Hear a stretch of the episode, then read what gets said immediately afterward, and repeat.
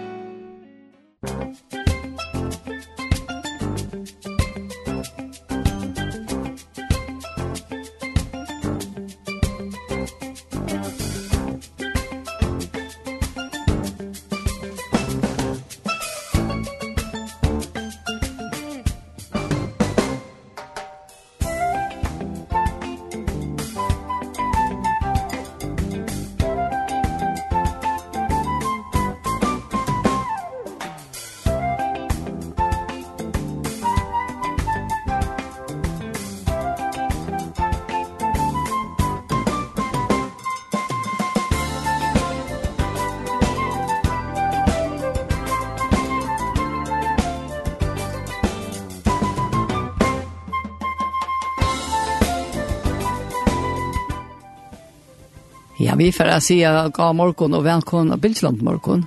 Og til torsdagar og i utvarstånd er det ett och hamper vi. I mest av skrønne som vanligt. Så tid er velkommen til Lorslar. Får vi vidkjenne med Karin Danielsen. Så en ung kvinne hun fra Greie fra Løyvesund, Med til andre hvordan hun sjöka av trauma og øren kom ut i mistnøsle, og hun vittnar om et her at Jesus slepte henne omkatt og hun er en fantastiska vittnesbord som han fører låta vi og i det.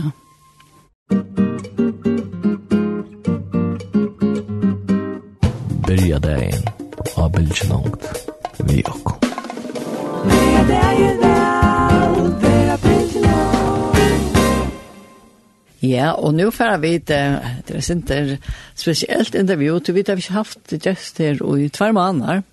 Så, og her finnes gjester til er Karin Danielsen. Velkommen, Karin. Ja, takk for det. Og takk for at du kunne komme. Ja, det... Godt at du fikk badna, jente. Ja, det er glad. ja, og jeg finner ikke, jeg blir til å komme og simpelthen fortalt om ditt liv og til en vittnesbord og liv sammen med herren noen. Ja. Og vi kan skal kunne begynne ved at du sier deg sin til fra at du er en barndom. Ja, Um, jeg, er heter Karen Danielsen, og jeg er 30 år. Jeg kom ur funninge, og jeg kan fortelle at um, jeg brukte en ekva tog sammen med Abba Munon. Uh, han var frelste med vår, han var dekner i funningskirke i trus år. Uh, han fortalte meg hvordan jeg skulle bia, og han fortalte meg om Jesus, og han lærte meg å bia. Og Och jag sväv ofta till honom. Faktisk så svev vi hans her sång og så svev omma och i hennes här önkelsång vi så gärna. Långt i ure. Det bästa som fortjeler her, ja. Ja, ordentligt. Jeg er i ögnabbaten. Så ja, det förtjäller om meg ordentlig. Og han läser nekva søver, og leser på yplene og, og um, han var ikke bensin fyrir å fortelle meg hva var rett og hva var skøy, selv om jeg var lydel.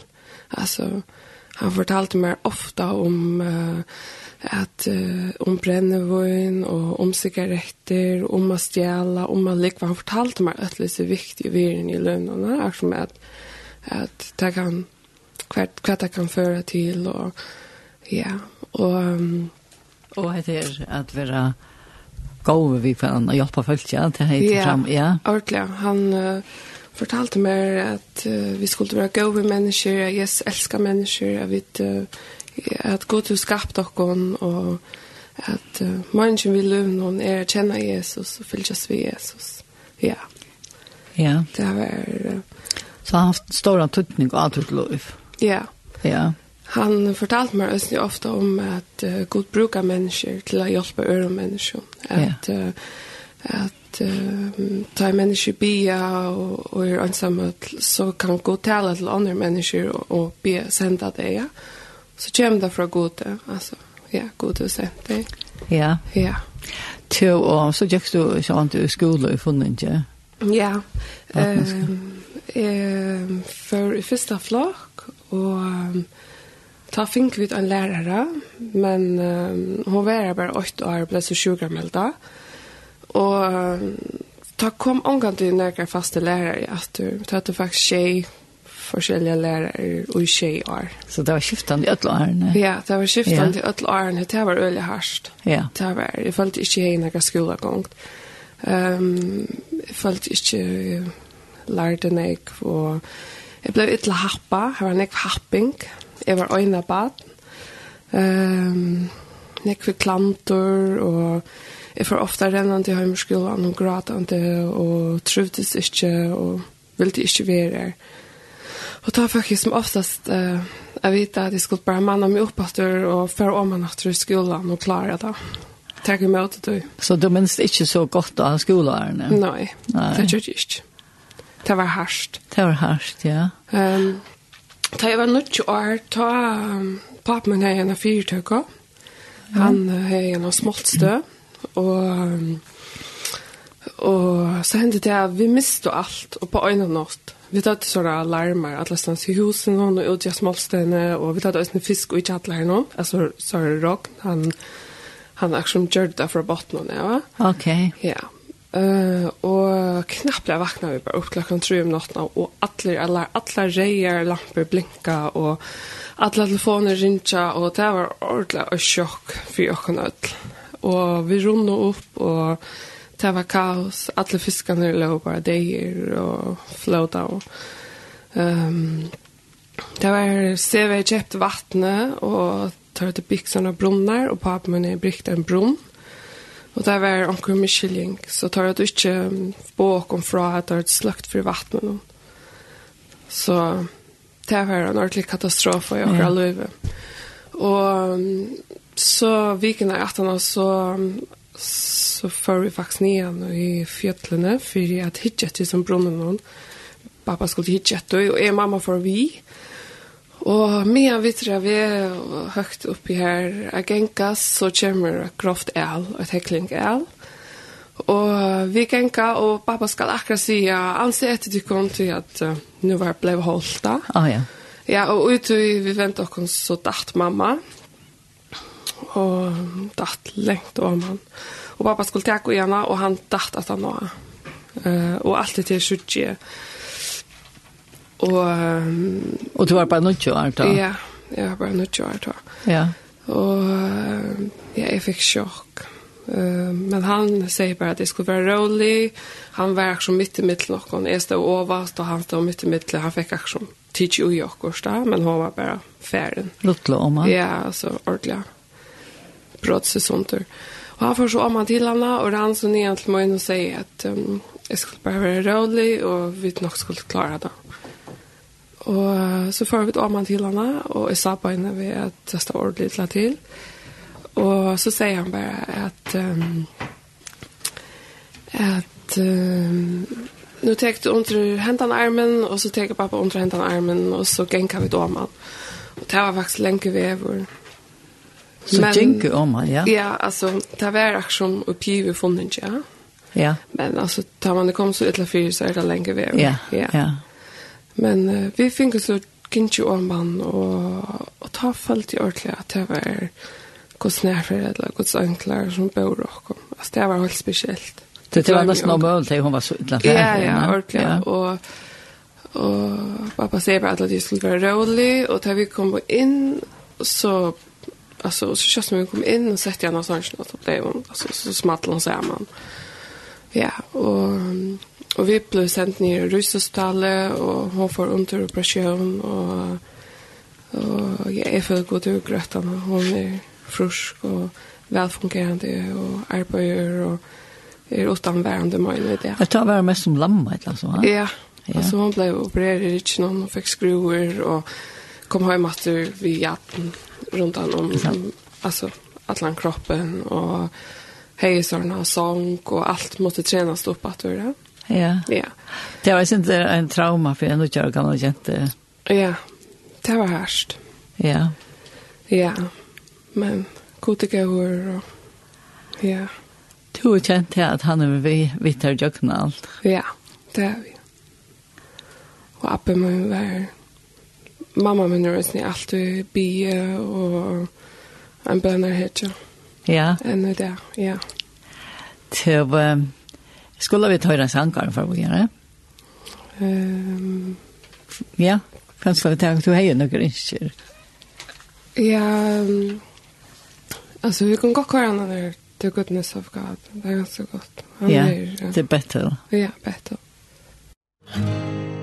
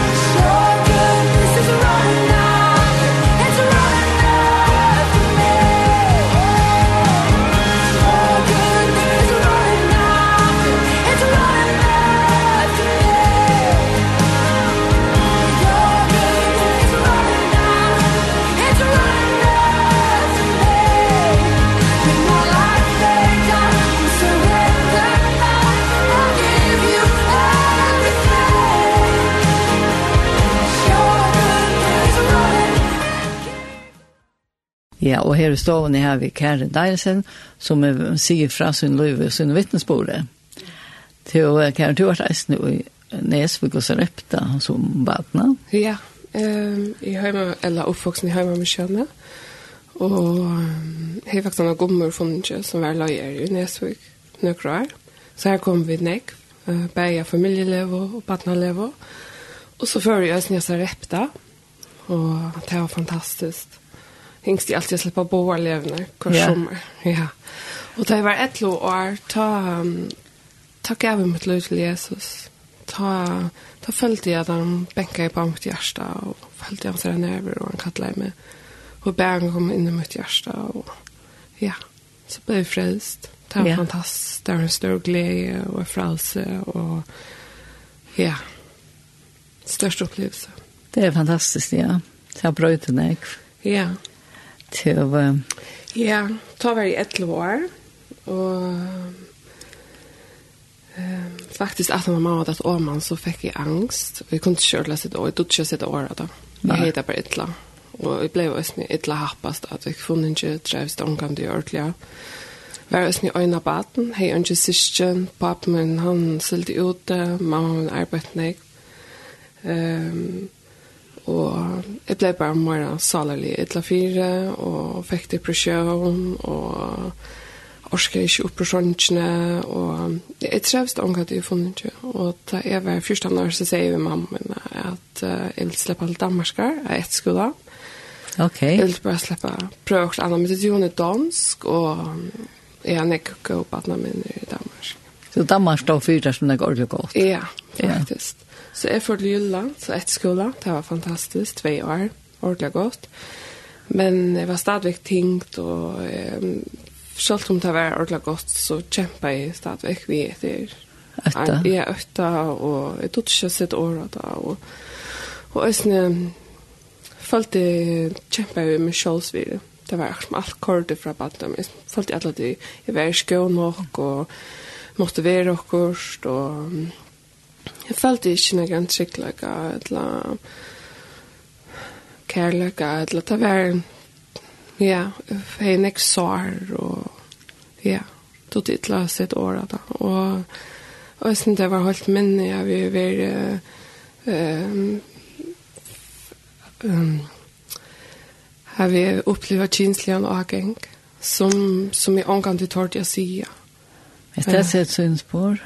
Ja, um, jeg vet lagt noe innenfor, det var 14 år, og han rønte ordentlig, han sa godt jeg hadde ordentlig til, og han fikk sett året da, det er angst.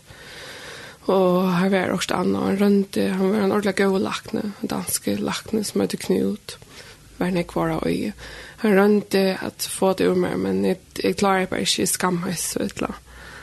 Um, ja, så at han noen tve år i Danmark så skulle jeg hjemme til førre ta fikk beina med klump i halsen, og skulle til etterfondings, og jeg vet ikke, fikk, ja, ble ytla fire på en vei, og jeg var bare en skjøtan tur. Jeg kom hjem og arbeidde og fikk meg korkost, og uh, begynte langt tak, en kan ikke bo innom, og um, ja, orske jeg til livet, altså.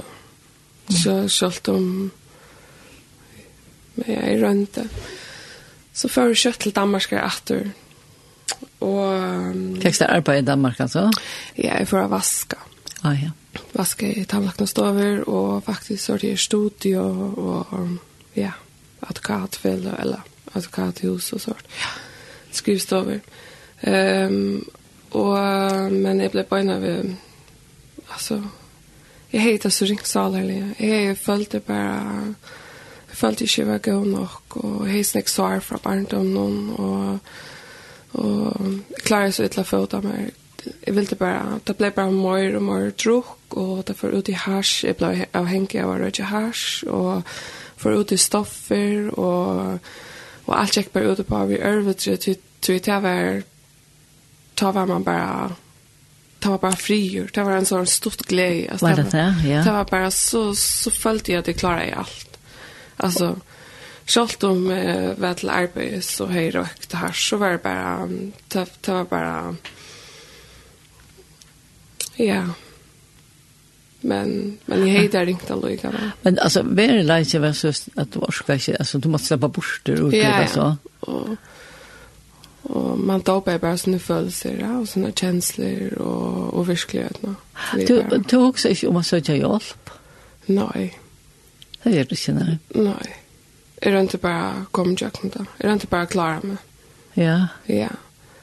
Um, Men du har eisen opplevd det allukka av alt det. Jeg er som er vittere. Ja, han var med meg alle veien. Han taler jeg og kaller meg ofte. Ja. Ja. Så ja, och du fortalte en händelse där du sa att du kökte någon, jag vet inte om du har fortällt henne. Jo, ehm jag satt faktiskt i öppna, jag var ensam öll och satt i kökte någon och det var sagt om guld och var faktiskt av i sång, satt i nockla och någon inneskön. Och är akkurat rökt här och knappt jag menar sitt jag så så följer jag det blir allåpen. Följer simpelthen eh ja, ta illa mach, altså en illa anda, simpelthen teker og leiber av meg, og knappliga for det bare mel i høtten. Leiber ut i vinter, leiber ut i vinter, leiber ut i vinter. Og det er mele bare, akkurat som en sånn trumla i høtten. Leiber ut i vinter, og jeg bor i et trihatt. Og vinter er i hvert fall bare til gjerne av her som køkspåret være. Og jeg husker bare, nå må jeg handle kjøtt og jeg tok um, husliklene og telefonene, og så rann jeg faktisk bare ut. Og vinkene som jeg bor i sin langt nere. Ja. Så jeg rann bare fotler for om at lene at jeg hukte bare, jeg skal ikke dodge, dette skal ikke hente, dette skal ikke vinne i meg. Så jeg rann om han her, og jeg rann til ringkjettlene, og ringkjett på utordene, og til hun bor jeg første. Og jeg var ikke noe hjemme, og ikke tog telefonene, og jeg var dyrest nøyma. Og du, jeg stod midt ut i gatan i Hannarbro. Og i pyjamas. Og i pyjamas. og folk kokte bare ett mer og så bare, hun hon är skutsökande ner. Og jeg bare, å, jeg vet ikke hva jeg skulle gjøre. Og så, jeg valgte jag valde bara renna alla en høymatter. Ja. Um, Og det ble bare vi, og jeg minns jeg rann faktisk opp og ned i kjøkken trappen der når jeg kan ferie til at jeg tårdes utla fra høym, og, og kåre hårene at du vil være ansamøt. Jeg ville bare gjerne, ja. ja, jeg ville bare gjerne hava onkur skulle være her, og ja. så kunne ja, få hjelp. Um, men um, det enda så vi får inn i Øybøma, kvarturen atter, og heter Malte bare, og jeg gikk rundt, og jeg visste ikke hva jeg skulle gjøre, for inn i sovekammer, og så røpte jeg bare, Jesus! Og det ble frier. Det ble frier? Ja, jeg ble løst. Altså, det var det ble frier i mer, og jeg følte jeg ble etro og alt, og jeg simpelthen bare datt ned i sannsjene, og jeg svev i en tutsdøymer. Og da jeg vakna etter, da, det var bare frier. Altså, jeg, ja. Jesu navn hever virkelig kraft. Jesu navn hever kraft. Ja. Det hever det av sammen. Ja. ja. Ja, det var fantastiskt. Ja. Han har alltid, han har alltid vært her, og Sjalt mig ofta har vi lengt vekk, så har vi ofta han og teska til min. Fortalt meg at det er rett og at han var her, og ofta følt høylig annet han tala til min, ja. Ja. Ja. Jeg har du trus ut i hans løvn og sjalt om, men jeg heida bare så ringt, jeg er så illt i løvn og jeg er sånn jeg sår, og jeg har gatt mye hjelp for det, jeg har gatt åpna meg opp om det, og ja. Ja Jeg hadde jo nok så vant, jeg snill døm du nevnte kinslig og anker, at uh, selv man et avskyldte baden, så skammas man vitt og alt det, tør ikke å si at det er øyelig ondtallet fenomen, men at fakta. Ja. Ja. Ja, jeg tør ikke omgå til å si det. Omgå til å si det, nei. Ja, tror nek for imest uh, at uh, fortelle fra. Så ja, jeg, vet, jeg kan faktisk ja. fortelle et annet om Østene, hvordan hos nerver, hos fri, hos stor kraft det er. Ja. Um, stått og æren i flott i høyen, så, så ble jeg innlagt av hospitalen, og jeg valgte det selv. Jeg ble innlagt av en lukket i døgn, så jeg høyde så ringt. Oh, ja. Men jeg vil stadigvæk ikke fortelle hva det var som plava i meg. Og så, ja. ja. Um, og ta var jeg sånn ordentlig avhengig av hers og stoffen, og, men jeg var så her kjøtt.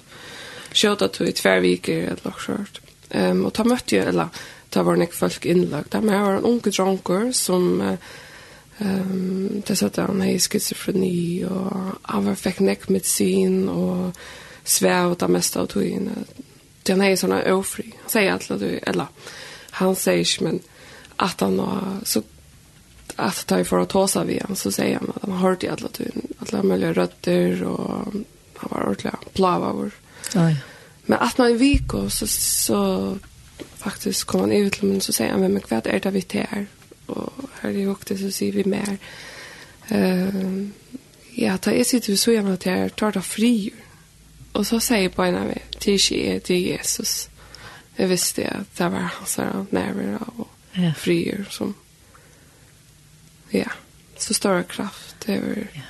Og så er det nærmere kan merkes. Og hele anten, og ja. Ja. Ja fantastiskt. Helt fantastiskt, ja. Ja, ja och en av for ta... Um, jeg var ved høy, og jeg har kjøpt inn, klokka var tutsi om kvalitet. Så, um, og jeg har bare tve innsjeksjoner etter til vi fikk penger etter, det var en fem dager.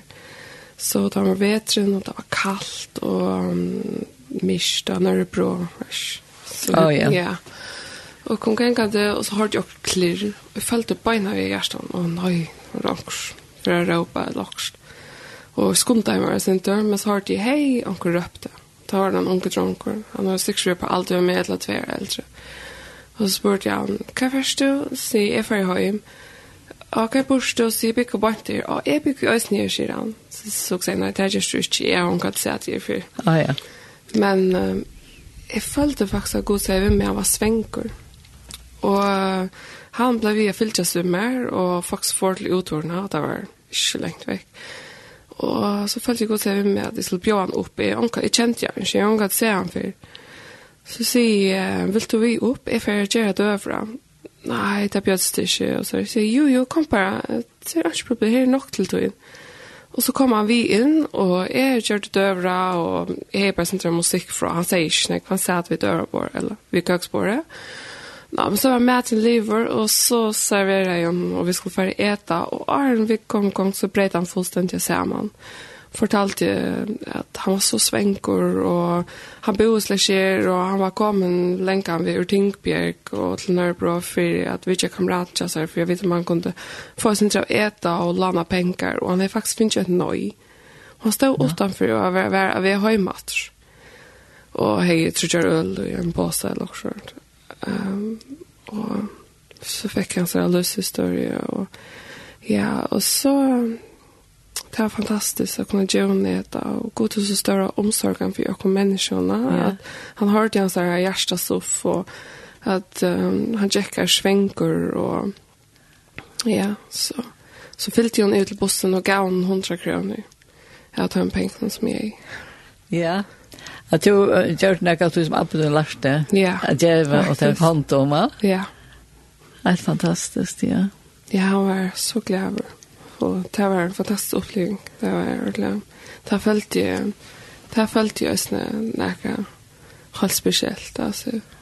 Følte jeg ordentlig. Det føltes godt av ja, ja. sånn, og av lust etter. Ja. Jo, men så fortalte forrige. Ja, det er faktisk... Um, det som gjør det at jeg får alt til førjer, det var um, uh, god kattler med størst, og, og bort og arm ble det ordlæring. Altså, jeg orsker jeg slett ikke være til, og hver dag er for bare vi har så drukk og, og alt, og jeg følte meg pura, ja. Jeg følte ikke det var noe mening vi løy nå. Nei. Og i morgenen, og i uh, november, det var kaldt, så vakna jeg opp, og jeg var ikke etro, og solen skajene i jøkken på kjennene der. Og følte en sånn hita, og jeg følte bare gos nerver, så størst. Røste meg opp på sjansene, og skulle geng inn i køkken, og så hørte jeg bare Jesse av hvem, kom, nå skal jeg løye til hjem. Det var akkurat som han er kattla meg, kattla meg, kattla meg, kattla meg, kattla meg, følte bare en sånn skam. Jeg følte en sånn at um, jeg syntes sånn jeg, jeg gjør sånn ikke forferdelig at, at det var en vever etter det. Ja. Men ta tog han simpelthen i min hånd og sier, kom, nå skal jeg løye deg hjem. Så ta for inn i køkken og ringte til mamma og sier, jeg flytter hjem. Til, uh, altså, for det første så han har ångat släppt Nei. Du tog emot och så at uh, ta färman innsiktlig her i antas. Og jeg hadde helt resten oppmuntring til som ber för bötten och barna bötten och så god höjer och han svärar själv om länge tog kan gänka. Ja. Så tog för hem då. Ja, så får jag hem och ja, ta var det alltså jag får inte några ävenning ett land där. Han sätter mig bara i fralsen. Sanna, jag tar det som spelade om kost och slapp på ord då. Ja, det var bara ta för bara oss. Ja. Ja. Så vi kom hem och jag säger hur god att at uh, jeg bruker for en arbeid og Og jeg var ordentligt bäg fysiskt och psykiskt och salar ytla fire, altså på alle måter. Ja. Og yeah. um, han gav meg en fantastisk arbeid om nattene. Og da ble jeg lust til lintene om nattena med en Og, arbete och och i bänik och Da jeg var hjemme, leste jeg i bøyblene, tjekk nekva turer ut i naturen i funnet här bara följde gott gröa med och jag blev mer och mer stärsk och han faktiskt um, ja, inte röstat med och inte något jag med och så får jag um, jag kan gå husmöte i Ronavik att han var torsdag. Jag bara lukar säga att du nämnde till att uh, du kände gott du du är nog stora skuld. Ja. Jeg, jeg kom hjemme i nekva skuld til at man gjør nek butting da man uh, Ja. Ja. Og um, så skulle jeg faktisk søke meg et arbeid om dagen, men så tar jeg, han sier, jeg hørte faktisk godt si, jeg skulle tilfære til Lundfrost i Ronavik, og så får jeg her, og så da jeg kom inn, så sier jeg, nei, jeg har faktisk ikke uh, plass, uh, flagg av en, altså skjer om dagen. Ja, oh, ja. Men så faktiskt jag vet jag kommer att sier, men hva skal jeg, jeg har et annet arbeid till er om natten, till faktiskt att vaska och det var dubbelt sån jag löna faktiskt mer oh, yeah. än. Ja. Ehm um, och det var ordentligt fantastiskt jeg tror at är väl så illa at, att och i skamma så utenfor, jeg, klarer ikke nek folk och nek var larm och Og jeg følte i østene at jeg kom hjem at så nullstidlig alt. Jeg klarer ikke utvarsp, jeg valgte ikke lyst til tøvnløyde. Jeg ville bare hava alt av mute. Jeg ville bare lese året og, og høre godt rødt og ja, at det skulle være fri rundt om meg. Yeah. Følte jeg at det var sånn jeg var larmer, sånn jeg var at jeg skulle bare være fri. Um, ja, så jeg fra vaske om nottene og kjente nekva penger, altså dobbelt sånn jeg som... Uh, det var fantastisk. Fikk betalt alle mine skuld og bare stått att vi. Ja. Og det var ikke luttla skuld, men följt jag lade god bær med. altså. det ja. var... Uh, ja, jeg kan slett ikke forklare hvordan jeg betalte av streg meg bare inn, akkurat Som i flow. Ja. Ja. Det och så så brett jag till första gång husmöte. Ja, så att hon har hållt där får jag gick husmöte. David Beck, hej husmöte i Ronavik. Ja, ja. Um, og det var fantastisk. Det følte jeg ordentlig at uh, god tale til min jøkken, han, han åpnet i ordentlig året. Og, um, og året ble så livande. Og, og um, at som det stender i hebreerbrevet Hebrean og Fyre, at um, at um, at um, året er livande, ja. Og, yeah. og at at det for inn og skiler allt in i likammen. Ja, passar passar när tvåa jag svär och sen det. Ja, och hette upplevde jag. Ja. ja. Och jag upplevde um, helt nytt liv och ehm um, ta för honom när jag om det open och ta följt i början vi kört mer på är alltså konfirmera. Ja ja. Och är barnet upp alltså ehm barnet upp. Ja. Ja. Men det fallte bara gott eller hetta var det rätta för mig att bli döpt. Ja. Ja, og jeg valgte å døypa, og det var helt fantastisk. Altså, det var ikke nek ut i akkurat ta, men tog inn at han var.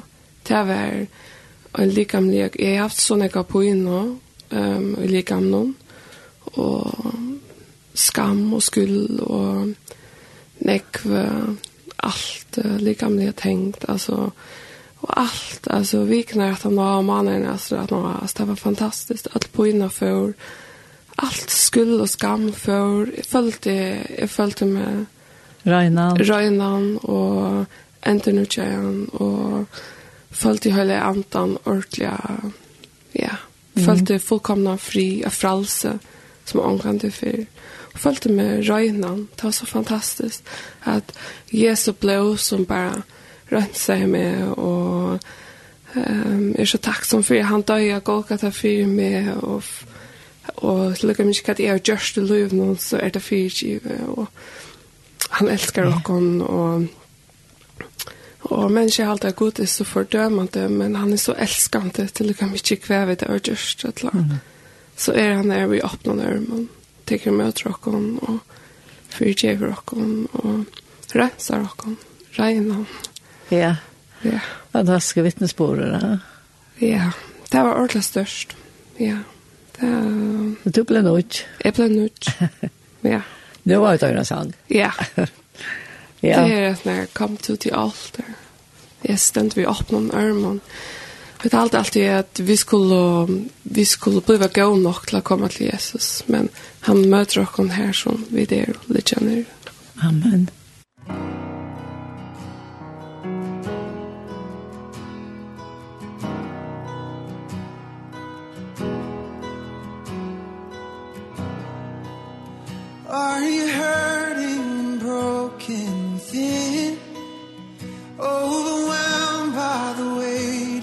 sin.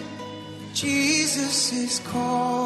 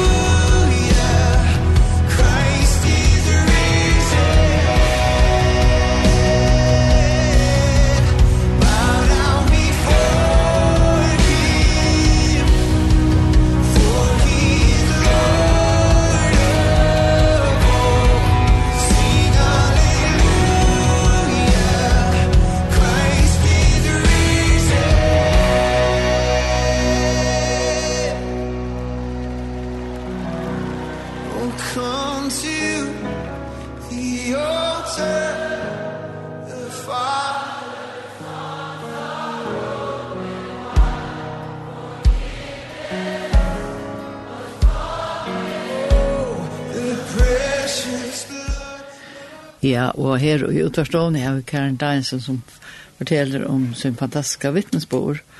Og Karen, så at han er to er gift og er i baden. Ja, um, jeg er gift i en barndomsvinne. Vi er kjent oss fra fyrre, som holdt av år 13-14 år. Um, da jeg kom hjem etter og begynte jeg en husmøte, så bjør jeg henne ofte vi. Oh, ja. Han var, han var ikke frelst og gikk på innom. Og jeg var også haft et harslig opplevende jeg Mr. Mamsen, altså baten og ja. Um, han var ångte vi, men han var alltid til rekte bojen at han var. Men, uh, men så hände det at um, han har faktisk um, sittet inn uh, nekva tog av sin liv for herskap og, og det er har vært tycker jag og och sorgen det är av största og vilja det hänt alkohol og uh, vreie ja Ja, det är inte inte så. Nej, inte inte. Inte det fatter til det. Nei, slett ikke. han er en fantastisk blett menneske i det. Ja. Ja. Um, men uh, han er så inne i sitt uh, og kom ut i alle aften og fortsatt direkte i bojen. Og nå kjør han ned, vi har fått løs riktig skje det er, og var ferdig i bojen.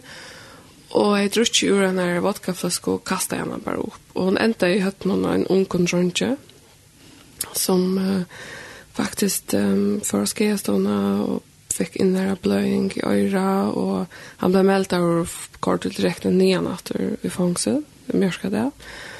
Och um, ta sig god för mig att det skulle föra nian ner. Och um, ta jag till världen sin tur och så att um, vi tog oss samman men vi tog oss inte så mycket samman. Nej, jag är med och möter ju alltid det men han levde ett annat liv än jag. Ja. Ja. Um, og jeg valgte så å fære ned igjen og igjen og bøyble vi, og jeg skriver noe brev, et emjuk brev om at jeg elsker han, og at familien elsker han, og til og med hva, hva det er hent, og um, jeg skulle bare takke meg til Jesus. Og jeg slapp så ikke inn, men jeg slapp av Oliver, jeg atler meg jo inn. Oh, ja. Så det sier at jeg skulle bøye og skje det her. Og så bøye jeg skje det her og kom ned igjen, så da jeg kom inn til han og sett meg ned igjen, han sätter sig ner så säger han, jag tycker mig till Jesus. Nej. Jo. Så han är lyser så tjej det han har byggt. Ja, och han sätts in i tror jag manar. Att han har ett er och läst allt Nya testamentet. Vi vet igen ena från viken och bär fyra mån. Och, och, och han spurte ju om jag skulle vara konan till honom. Och ja, så kom han ut efter och han kom ut störst i mars, 1 april. Och Og av somre i 2016, altså samme året, når man er 18 år, ble gift. Så han gav seg å drekke og så var det? Alt, han kom ut etter, og det var akkurat som vi med. Altså, ja, brøtter. God gjør det en brøyting såles. Altså vi er en klipse. Ja. Ja. Det var en ombrøtter med er som kom ut etter, og han ble også nytt opptur. Ja. Ja. Og så ble det gift? Ja. Uh, han valgte faktisk å bli døpt och medan han satt der oppe til han kom ut et vikskifte. Alltså? Ja. Ja. Ehm så och vi ble gift och kultur var så fantastisk og han var sikt något så störliga. Alltså det onka de mangler näka. Eh och vi bäge att jo ikke, vi kommer ju från noen løyve her, vi det har haft noen penger, och ikke har haft tjukt grundarlig akkurat med at å, vi blir herfra, men vi tar det ordentlig, men god han Østeberg i Rokkon. Et år at han har finnet ut av baten, og altså det år, altså jeg fikk klær, Alltså och folk kom bara och stickna med vi klävon till till och idé alltså till drunken i tre år. Er det Är sanna yeah. till uppleva alla vägen jöknen. Uppleva kuskasko alla vägen jöknen ja. Ja. Det är ongat i manklarna jag. Han har allt vi hon kan det vara försörjner. Han, och god är så personlig att um, ta jag har haft några tankar om att uh, jag kunde huxa mer och inte mer än boxer eller inte mer um, en jacka eller också bestämt. Så är onkel kommen och ger mig till och tidsnäga som jag har sagt Men Nej. till god som har sagt vitt det att han känner sina tankar och han kan ta sig också som lustar. Ha? Ja. Och handlar på allt ja. det här särskilt så viktigt att handla till man får omkring sådana tankar. Ja? Bra gode. Ja, ordentlig. Og det har jag upplevt av selv i min liv att god och sagt vi mer at vi skal fære til långt folk og ja. gjøre dem noen hälsan, et eller annet gav og et eller annet. Ett eller hvis det är inte jävla det godt, Färra ja. bia for dem. Nu har vi tagit om kvitsen och till hela anden kom, så det är hela anden som tädlar. Ja. ja. Ja. Det är fantastiskt. Och jag håller inte han och jag hjälper. Och men och dagligt Altså, jeg kan för ni minste detalj Og nå en dag så jeg har vi et lite barn och han er hjemme.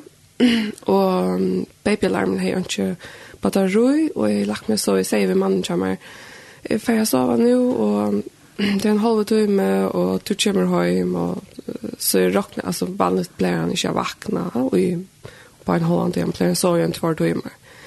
Men jag lägger mig att sove, og stort at hon var vaken. Här, her i hör i omkring badna grad. Ja, ja. Og her følte bare at uh, god säger vi med att här till Josva. Och här omkring babyalarm. Og, og ta vart då. Ja, ja. Ja. Så fantastisk hvor er hela egentligen. Han er akkurat hjelper hvis vi bare... Ja. Live on, ja, live on, uh, här var vi i Ötlund. Ja. Ja, så jag är svär ordla fast. Hur skulle jag vakt med? Alltså och plus att det är lösa kameran. Jag svallar utanför det.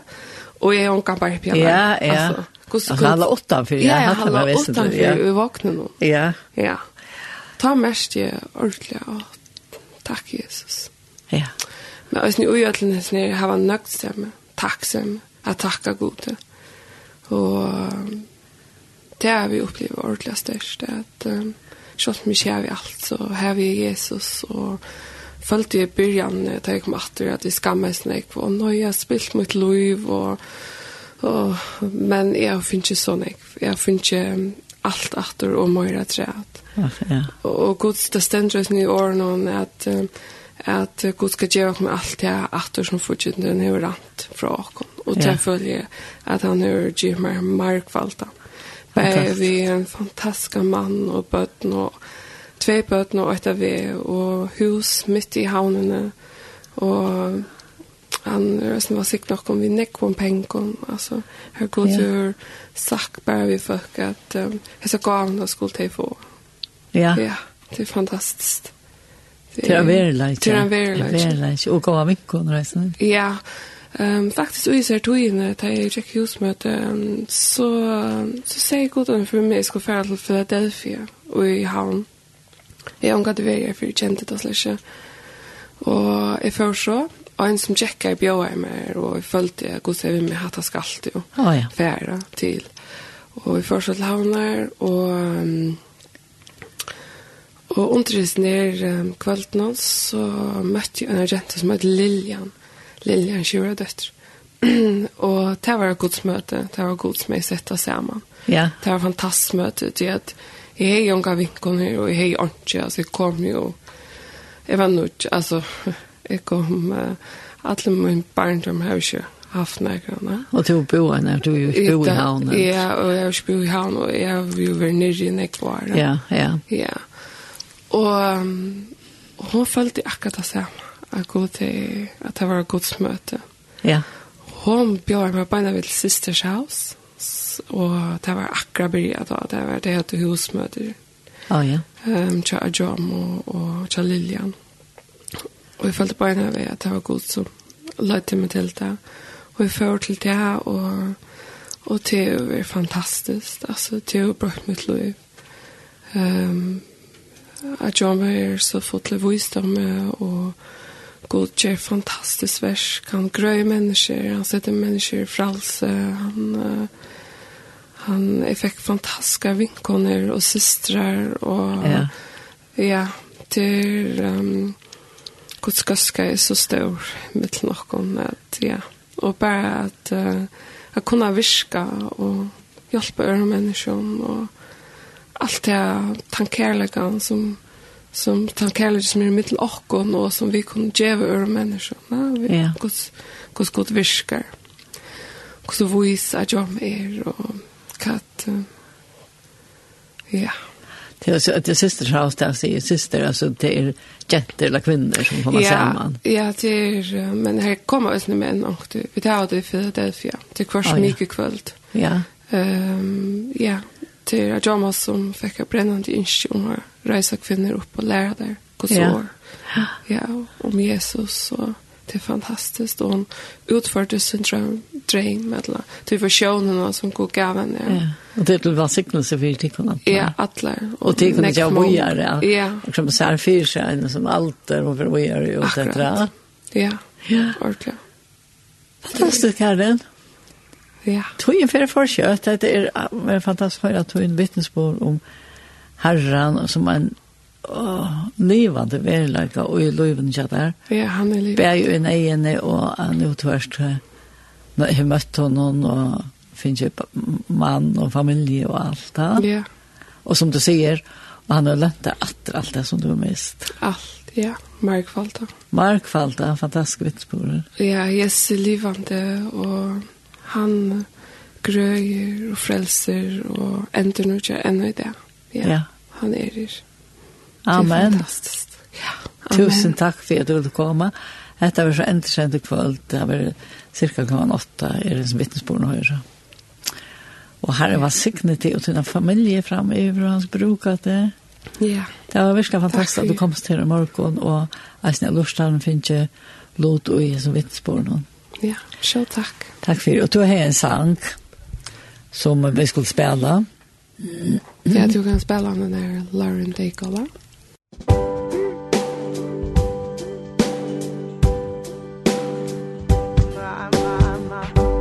I've been an actor on a stage Playing a role I have to play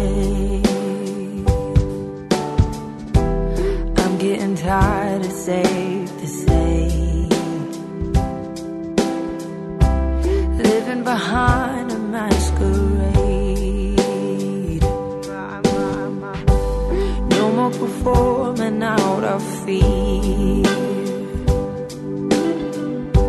I'm trying to keep my conscience clear. It all seems so empty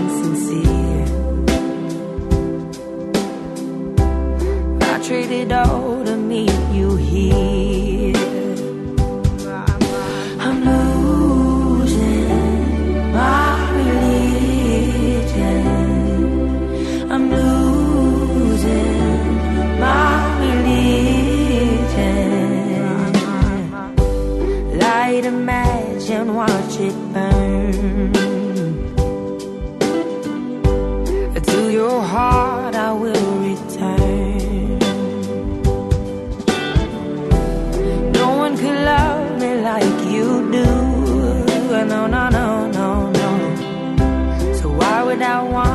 pensado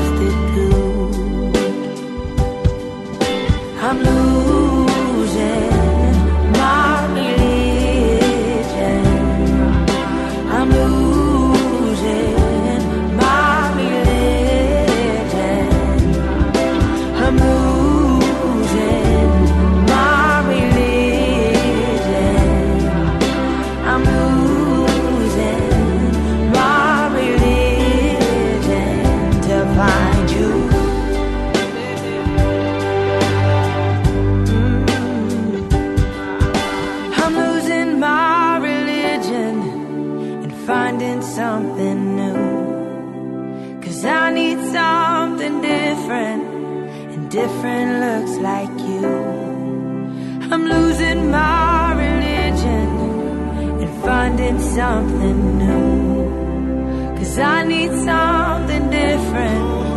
And different looks like you.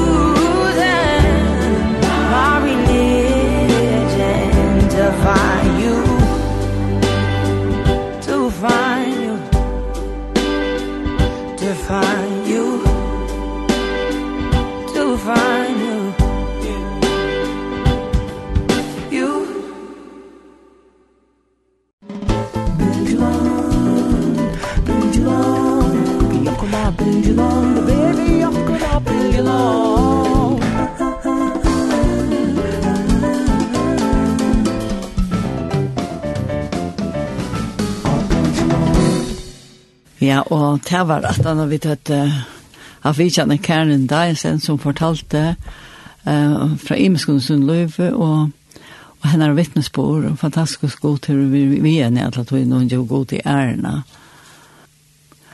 Og her på et, og i utvarstående vårt, et noe hamperk, så vet jeg ikke at det kunne øtlen en, hva sikkert en dag i dag.